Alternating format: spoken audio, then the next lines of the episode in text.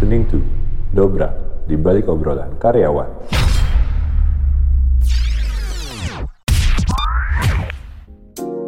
Capek bahas kerjaan terus?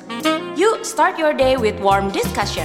Obrolan ringan seputar karir bareng bintang tamu berkompeten yang pastinya memberikan insight yang lo cari. Only on podcast Dobrak, di balik obrolan karyawan.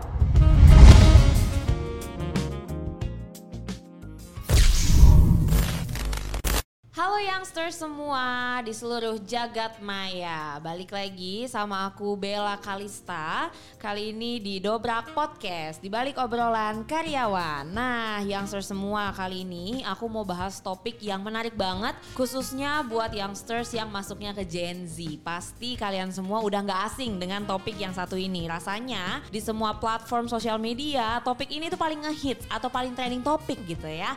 Apalagi topiknya kalau bukan mental health health dan self healing ya. Bicara tentang mental health dan self healing youngsters, ada fakta menarik nih bahwa dilansir dari ikrut.com tahun 2021, sekitar 300 juta orang mengalami depresi dan gangguan kecemasan di mana tekanan kerja menjadi salah satu penyebabnya. Bahkan WHO memperkirakan hal ini memicu menurunnya produktivitas sehingga menimbulkan kerugian ekonomi global sekitar 1 triliun US dollar setiap tahunnya. Wah, menarik banget nih ya ternyata dari topik mental health bisa berdampak pada produktivitas kerja dan juga berdampak pada ekonomi global. Nah, karena topiknya menarik banget nih, kali ini aku nggak sendirian. Kita akan bahas lebih dalam tentang mental health dan juga self healing dari pakar-pakarnya, dari orang-orang yang sudah berpengalaman dan di sini aku akan ditemani oleh dua narasumber. Yang pertama adalah Mas Oto. Hai Mas Oto. Halo. Oke, youngster semua. Mas Oto ini adalah rekrutmen manajemen department head di Astra Credit Companies yang mana Mas Soto ini sudah berpengalaman bertahun-tahun ya Mas Soto ya di bidang human resources gitu ya. Kemudian juga Mas Soto ini adalah sarjana psikologi juga gitu ya. Jadi nanti kita akan bahas banyak lah tentang mental health sama Mas Soto ini. Tapi Mas Soto ini merupakan generasi milenial. Nah kita akan bahas dari dua perspektif nih youngsters. Aku punya satu narasumber lagi. Ini adalah Olive. Hai Olive. Halo, hai semuanya. Hai, hai. Kabela. Hai okay. Mas Soto. Halo. Nah, Olive ini adalah uh, salah satu anak magang ya, internship di Astra Credit Companies dan Olive ini nantinya akan mewakilkan dari sisi Gen Z ya. Jadi yang semua ini menarik banget karena kita akan lihat mental health dari dua perspektif yaitu dari millennials dan juga nanti dari Gen Z.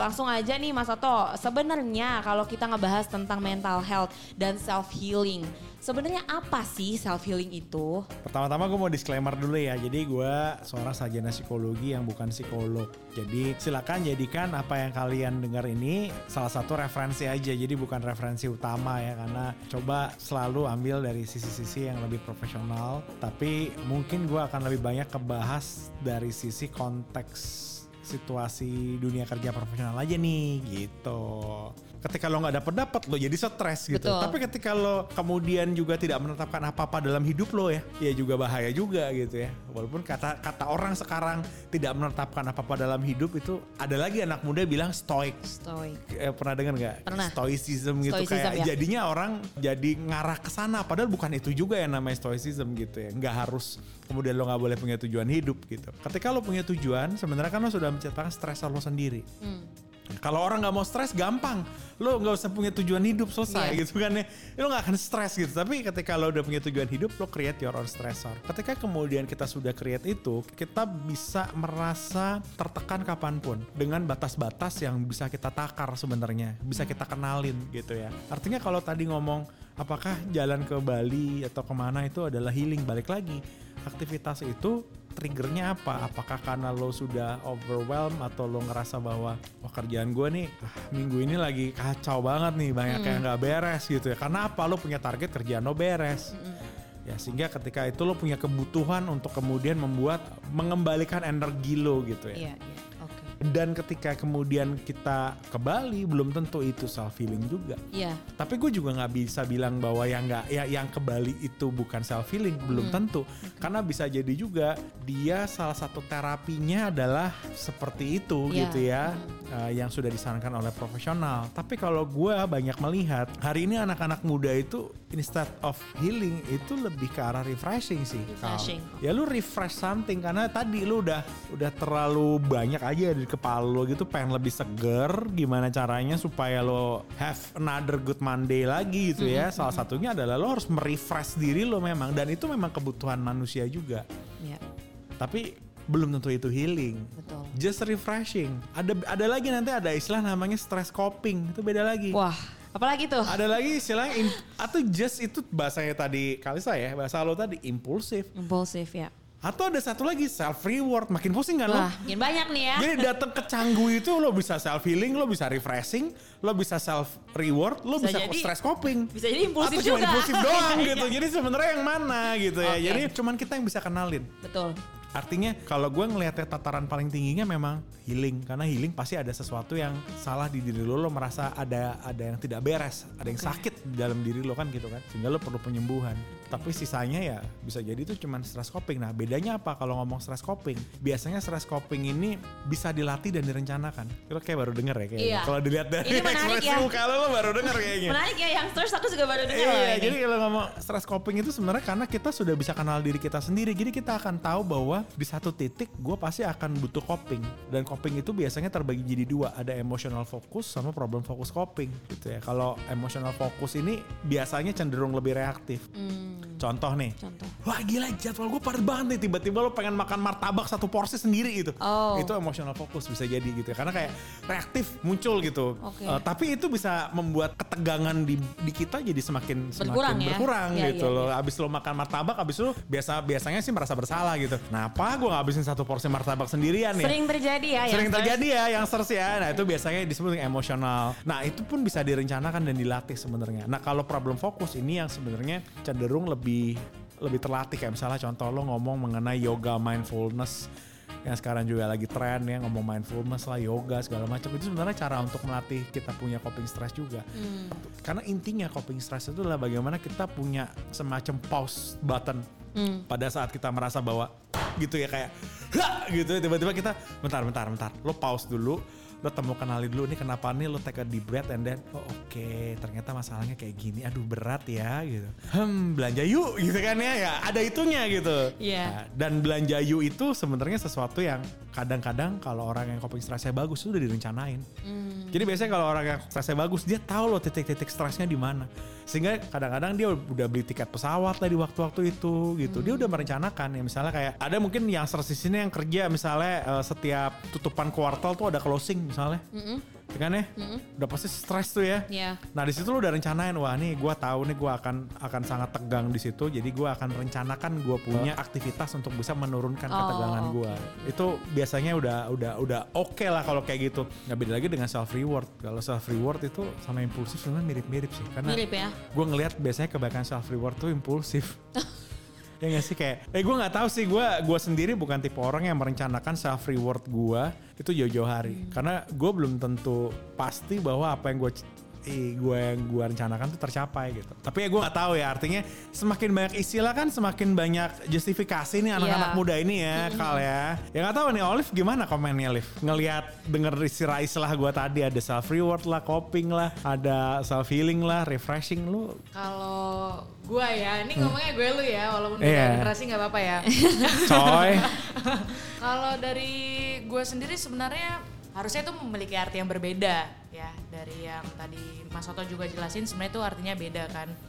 Cuman eh, tadi dari aku sendiri juga setuju-setuju aja sih dengan opini dari Mas Soto ya dari setiap penjelasannya. Cuman memang sebenarnya yang belakangan ini tuh lagi banyak misleading. Oh, misleading, Ya. misleading, dari ya. setiap pengertian atau setiap kegiatan itu gitu loh kayak seakan-akan self healing itu harus jalan-jalan. Betul. Kan gimana caranya orang heal dari painnya itu beda-beda. Beda. ya kan? Dan Betul. apakah harus selalu mengeluarkan budget? Nggak Belum juga. Nggak juga. Nggak juga. Nggak juga. Iya. Sama lagi kayak tadi misalnya Mas Soto bilang coping itu kan gimana cara kita mengatasi ya pembiasaan dalam dirinya Iya. gitu kan. Nah di situ sih yang aku ngeliat kayak untuk belakangan ini concernnya adalah dimisleadingkan. Hmm. Jadi apa-apa tuh kayak iya gue lagi healing, gue lagi healing. Lama nggak ada nggak kenapa-napa Iya, gitu loh. kenapa-napa, Pengen nah. kecanggu aja gitu, Iya, pengen iya. kelompok. Bisa ya jadi kan. malah impulsif gitu iya. ya. Tahu-taunya udah ke Bali belinya yang aneh-aneh ya kan, yang Iya. mahal-mahal maksudnya. Ah, Yang mahal-mahal. iya. Maksudnya yang mahal-mahal kan terus alasannya ya gue mau self reward. iya Impulsif berkedok kan. betul Betul. atau sebenarnya ajakan FWB eh salah Aduh, kok ya ke sana arahnya ya. Youngsters nih? Salah apa relate nih? Eh, tapi ada loh yang mikir, ah iya lagi gitu kan. Bisa jadi ada yang lagi senyum-senyum nih di rumah Eh, sekarang. Iya lagi, Iya bukan lagi. healing Pasti ya. langsung ingat Aduh. seseorang kan. Iya. Iya. lupakan dulu, lupakan dulu. nah ini menarik nih, gimana kita bisa menentukan perbedaannya. Dan benar banget kata Mas Oto tadi bahwa kitalah yang paling mengenal diri kita sendiri. Jadi kitalah yang tahu kapan cut off-nya kita itu harus dapat self healing dan kapan itu jatuhnya malah impulsif. Nah mungkin youngsters di sini semua mungkin kebanyakan dari Gen Z mau dengar langsung dari Olive supaya lebih relate kali ya. Nah Iya. mungkin kalau lu sendiri nih, Liv, Kapan kapan sih lu tahu bahwa ini udah waktunya lu self healing dan kapan lu tahu bahwa kayaknya kalau gue melakukan ini ini mah impulsif deh. Oke, perihal healing ya pasti yang kalau gue ambil dari pengertian dari Mas Oto tadi berarti harus ada sesuatu yang disembuhkan. Betul. Inside me gitu kan, kayak berarti artinya ada sesuatu yang rusak nih, ada sesuatu yang salah gitu di dalam diri gue.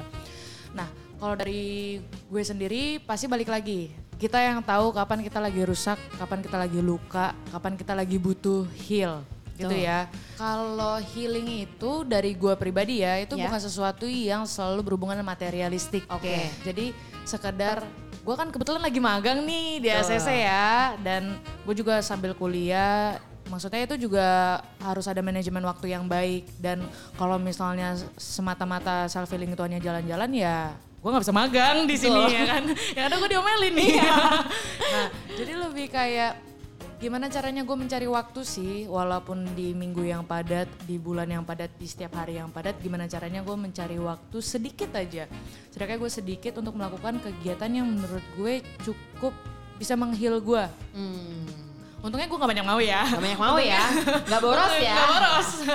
Jadi gue kayak misalnya sekedar uh, once a week atau misalnya gue sediain setiap uh, weekend gue, gue bisa hangout sama teman-teman gue ke coffee shop atau misalnya gue ya udah gue mengurung diri aja di kamar kan Oh. AC dingin. Netflix jangan lupa. Netflix, Netflix, ya. aja tapi Netflix jangan Iya, dilanjut ya. Jangan dicilnya ya. jangan lanjut. Jangan ya Netflix aja. ya, takutnya relate lagi. Ya.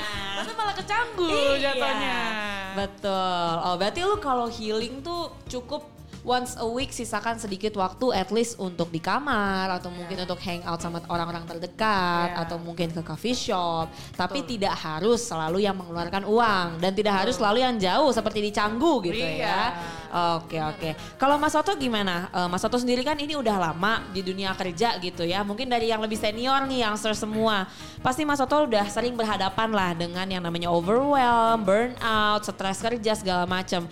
Gimana sih caranya Mas Oto biasanya melakukan self healing yang mungkin sebenarnya nggak terlalu boros dan nggak harus jauh-jauh ke Canggu, tapi Oke efektif. baik lagi ya artinya eh, kita harus kenal apa yang sedang kita alami itu yang pertama sih. Kalau udah punya pengalaman kerja cukup banyak biasanya akan punya pertimbangan-pertimbangan faktor resiko juga. Karena ketika ngomong tiba-tiba lo ke Canggu gitu ya. atau tiba beli tiket ke luar negeri gitu ya. Yang biasanya kita pikirin tuh faktor resikonya. Artinya lo sebenarnya tuh butuh nggak sih gitu loh. Tuh, Itu yang pertama. Yang kedua, eh, ngutip tadi kata-katanya Olive ya. Kalau kita ngomong bahwa kita yang paling tahu bahwa kita itu lagi damage atau enggak. Kita lagi butuh penyembuhan atau enggak. Itu jangan lupa ya, ini gue bilang, gue himbau ya. Kita tahu diri kita, tapi kita itu begitu udah masuk ke tahap yang sifatnya ada sesuatu yang mengganggu diri kita atau kita lagi damage gitu ya. Itu kita tuh butuh pandangan profesional. Kayak lo sakit lah Ya. sekarang lo flu dikit-dikit gitu kan lo colok kan ya maksudnya sekarang ya maksudnya kayak atau lo ke mana lalu check up apa segala macam sebenarnya sama gitu yang hari ini cenderung bahaya tuh menurut gua sesuatu yang disebut dengan self diagnose Hmm, betul. Ya Setuju. kan? Ini kayak lo mikir kayak ini tuh parah banget gitu ya. Gue kayak nggak sanggup dia begini gitu ya. Dan segala macam istilah-istilah mental health itu dan seakan-akan tuh jadi kayak bahasa pop ya, kayak bipolar. Iya. kan ya? Terus kayak delusi lah. Orang bisa bangga dengan dia bilang kayak kayak gue obul deh obsesif kompulsif gitu. Oh, itu tuh something yang serius banget gitu ya kalau di bahasa kesehatan mental gitu Yeah. loh. Dan itu nggak bisa lo self diagnose. Apalagi orang jadi mislead bilang bahwa karena gue kayak begini, kayaknya gue bipolar dan gue mesti kecanggu. Wah, itu udah jauh, Waduh. jauh banget gitu loh. Maksudnya kayak enggak gitu mikirnya harusnya gitu. Jadi kita harus mulai dari menghilangkan kebiasaan self diagnose. Iya. even kayak kalau lo pada akhirnya datang ke psychologist dan bilang bahwa psychologist bilang bahwa oke you just need to refresh yourself. Oke, at least lo tahu bahwa oke I'm fine gitu ya bahwa ini masih bisa gue perbaiki karena begitu ada, ada damage yang lebih parah biasanya psikologis juga nggak punya wewenang untuk kemudian eh, menyembuhkan gitu ya karena butuh obat-obatan dan itu harus ke psikiatris itu yang jarang orang tahu Ya. Ya kadang orang udah terlanjur ini duluan datangnya ke rumah sakit cari psikiater. Ya nggak apa-apa sih bisa juga. Tapi sebenarnya eh, hari ini gue mau bilang mau himbau ke, ke yang ser semua kayak yang gue waktu itu pernah bilang. Jangan takut dan jangan merasa datang ke psikolog itu sesuatu yang ih lu gila lu. Nggak gitu coy. Hmm, ya. Karena lu butuh sebenarnya. Fenomena self diagnose untuk membuat situasi yang dialami anak muda sekarang jadi seakan-akan hiperbolik itu karena nah ini gue juga nggak tahu ya. Ini Olive nanti juga mention ya. Nanti mungkin gue gue mau nanya sama Olive justru gue ngerasa anak-anak muda zaman sekarang tuh jarang stres. Dan mungkin jangan-jangan kejadian stres yang mereka alami sekarang itu for the first time mereka belum pernah ngalamin itu dalam hidup mereka. Karena apa? Lo bayangin dulu gue kuliah ya yang namanya nyari yuk semua harus tugas dikumpulin by paper. Internet masih belum terlalu ini belum ada banyak kemudahan zaman sekarang. Harus cari tempat fotokopian. Terus habis itu juga eh, hari ini lab ya zaman gue kuliah laptop belum sepopuler sekarang di mana semua orang tuh bisa punya laptop. Itu kan ya wifi ya Allah sekarang udah 4G dulu masih ya bututnya luar biasa. Ya apalagi dikejar-kejar sama target yang sama dengan apa yang dilakukan sama anak-anak zaman sekarang. Sehingga waktu itu situasi cenderung membuat eh, generasi sebelumnya itu jadi lebih punya banyak stimulus untuk bisa jadi lebih stres. Tapi jadinya karena itu terjadi sehari-hari mereka jadi lebih terbiasa dengan stres tersebut. Sehingga ketika menghadapi situasi yang kayak dimarahin bos gitu ya kamu ya ini nggak beres kerjaan generasi terdahulu mungkin udah kayak ya elah mah ini gue dimarahin oke Biasa ya. biasa coy tapi begitu anak muda sekarang kan begitu bosnya bilang kamu tuh gimana sih kerja nggak beres bisa jadi itu adalah kemarahan pertama yang dihadapi loh Betul. sehingga dia kaget dalam dirinya gitu ya Bisa jadi itu stres terbesar ya. yes ya. dia kayak merasa bahwa oh my god gue tuh jelek banget ya gue buruk banget ya gue Iya. tuh dia feeling bad banget sehingga akhirnya membuat dia, merasa enggak enggak nih gue kayaknya terjadi sesuatu nih gue nih gitu loh. Terus akhirnya dia kayak butuh healing. Karena kayak jadinya ke sana gitu Iya, iya, iya. sedangkan orang zaman dulu cuman bilang ya ini kali ini kita butuh cuman butuh refreshing aja kali gitu. Nah itu sih nggak tahu Liv gitu nggak sih Liv? Kayak generasi sekarang tuh Coba perspektif dari Olive gimana? Bener sebagai sih? Jarang stres Oke, gitu oke, apa gimana ya? Sebenarnya kalau ini mungkin dari apa yang gue alami aja ya mas ya. ya dong gue gak bisa mewakili generasi betul. Serem ya. Takutnya banyak yang stres ngomel ya. Apa nggak relate kan Iya. ya. Nah mungkin kalau dari gue sebenarnya tadi dari yang Mas Oto bilang benar, ada benernya. Karena suatu momen shocking ya ke kita kalau misalnya kita belum pernah kena terus satu waktu kita digituin gitu kan. Nah sebenarnya kalau belajar dari pengalamanku ketika aku sekali dikenain kayak gitu memang sakit banget. Iya. Overthinking banget gitu, Iya, sedih jadi banget. overthinking Iya, kan? over- overthinking. Iya. Padahal mungkin memang aku salah. Cuman karena aku nggak pernah digituin, aku malah mikirnya kayak, eh lo benci gue ya? nah Oh, jadi Iya, take it personal. Iya, malah jadi Iya. malah harusnya kan hanya di bidang A. Iya. Di case A gitu kan. Tapi aku malah kayak malah ke personal diriku gitu loh Iya. kayak ma- malah kayak eh kok lo benci gue? Kok lo sampai segininya sih sama gue? Jadi bukan something wrong with my job, tapi something wrong with, With me. Yes. Gitu, bener. Tapi aku ada ada setujunya untuk poin itu sih mas. Sama kalau perihal jarang stres sebenarnya beda-beda mungkin kali ya mas ya. Karena kalau ya apa yang orang lewati juga mungkin Beda-beda, gitu. setuju. Benar. Itu sih kalau dari aku. Tapi memang eh, shocking moment di dalam diri ketika kita baru pertama kali digituin tuh sakit banget. Betul, karena kita tuh jadi nggak punya referensi. Gue mesti ngapain? Pada akhirnya dia mekanisme pertahanan diri kita itu eh, merefer sesuatu yang paling mudah untuk dijustifikasi. Ya ibaratnya kayak, oh ini berarti ini yang nama oh ini gue jelek banget nih, oh ini orang benci gue nih gitu. Ya itu paling mudah buat dijustifikasi. Iya. Dan itu yang seakan-akan kalau tiap hari gue dimarahin bos, bos, bos apa ya? Dikit-dikit kita akan bilang bahwa lingkungan kerja gue toxic nih. Iya. Ya kan? Pada akhirnya kenapa? Karena dia cari referensi. Oke kalau misalnya gue sering dimarahin, berarti lingkungan kerja gue toxic. Karena dia cari tuh referensi di Google, di mana, di TikTok. googling, di TikTok gitu ya. Padahal yang namanya ditegur, diberikan feedback itu adalah sebuah eh, proses untuk membuat diri kita lebih kuat kan. Berkembang ya. Berkembang Iya. gitu. Berarti nih youngsters di rumah semua jangan terlalu mudah overthinking ya Liv ya. Coba Liv disemangatin. Aduh, gimana ya? Saya, saya juga kadang overthinking. iya.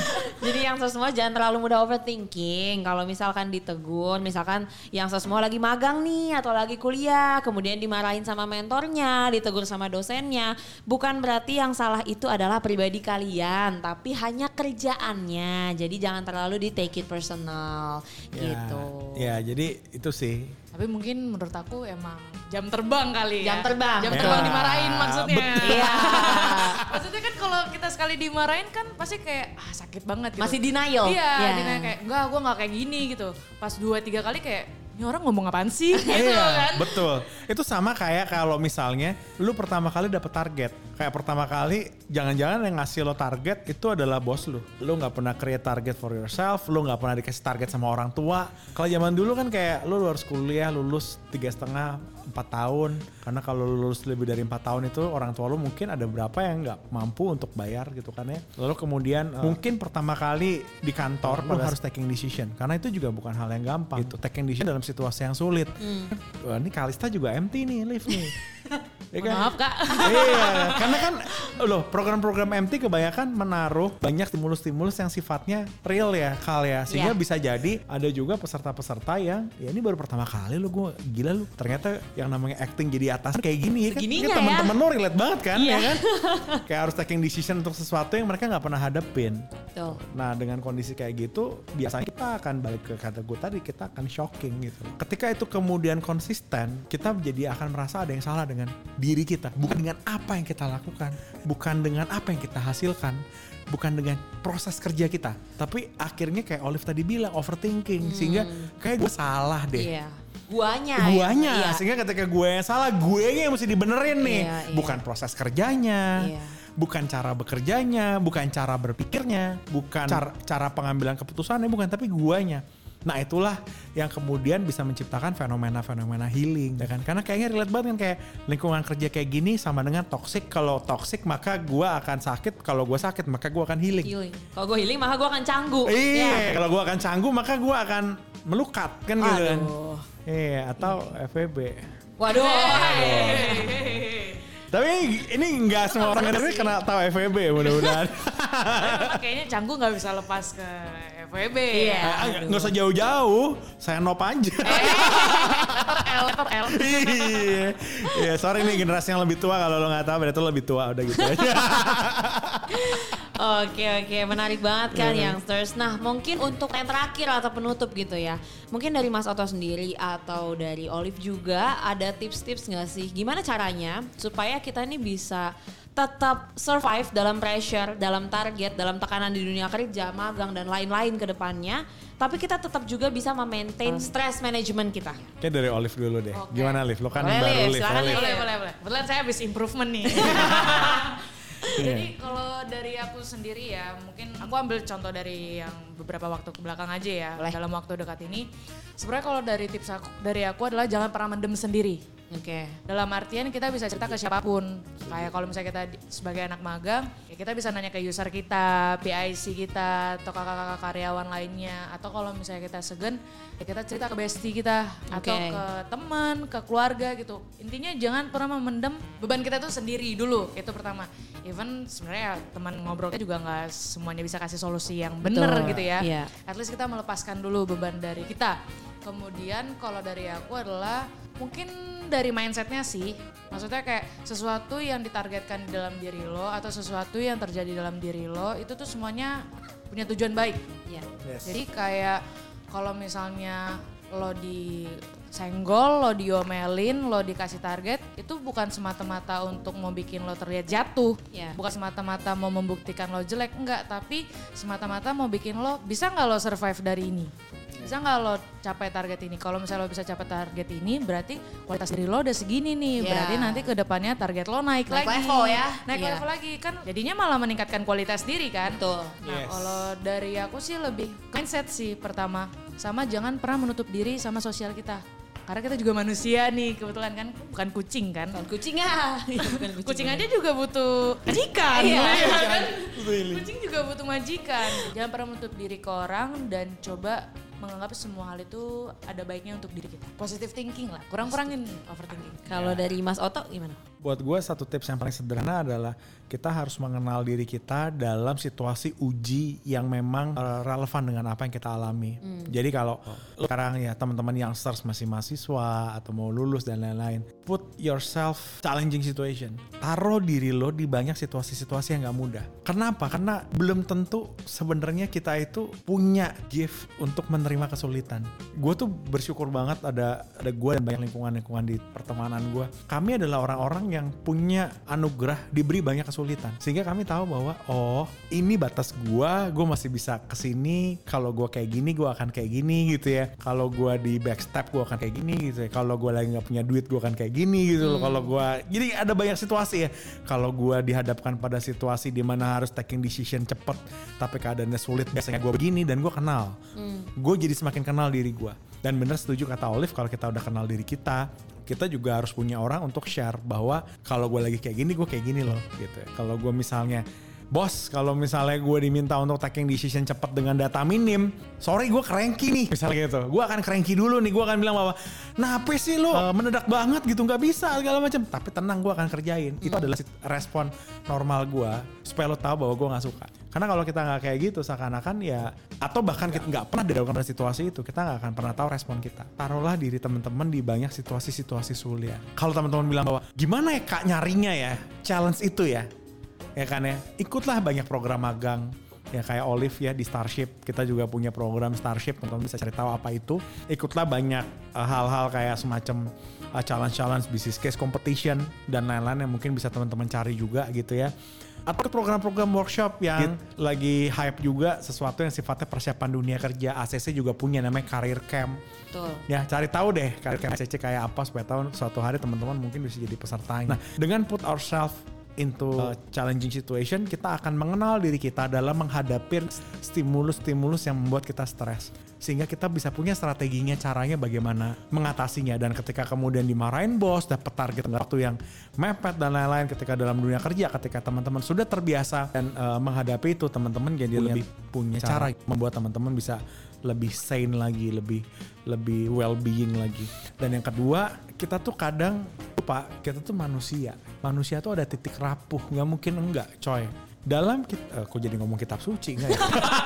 Berat ya. Berat ya. artinya artinya kita itu diciptakan dengan banyak ketidaksempurnaan yang akan disempurnakan oleh lingkungan sekitar, oleh siapa yang dekat sama kita. Jadi pertama kita harus sadar bahwa kita nggak 100% akan selalu tampil sempurna. Coba dilihat dirinya masing-masing sekarang. Is it teman-teman hari ini berpikir bahwa I'm so perfect, I don't need anybody dan gua bisa mengatasi segala masalah gua sendiri dan gua tidak akan pernah merasa stres, tidak akan pernah merasa sakit hati, tidak akan pernah merasa no. Coba pikirin lagi deep inside yourself bahwa teman-teman ini juga pasti punya sesuatu yang harus uh, dicari solusinya ketika teman-teman kemudian merasa bahwa ini situasi yang lagi gak nyaman buat gua gitu. Nah itu yang mesti kamu kenali. Bahayanya ketika kita merasa bahwa kita tidak rapuh, kita merasa bahwa kita baik-baik aja begitu muncul sesuatu yang besar, wah itu goncangan mentalnya bisa luar biasa. Tapi yang ketiga tips gue adalah jangan juga merasa bahwa lo kayak porselen keramik yang disentuh dikit pecah Ya, gitu loh. rapuh banget Rapuh gitu ya. banget nggak iya. juga. Kita sebagai manusia juga punya power gitu, punya potensi banyak yang udah dikasih sama siapa pun. Jadi spiritual gue ngomongnya kan. Lo tuh punya potensi sangat bisa dimanfaatkan dengan baik sehingga memang harus balance antara lo menganggap diri lo butuh pertolongan dan lo menganggap diri lo sebenarnya uh, cukup kuat. gitu sih paling tiga tips dari gua.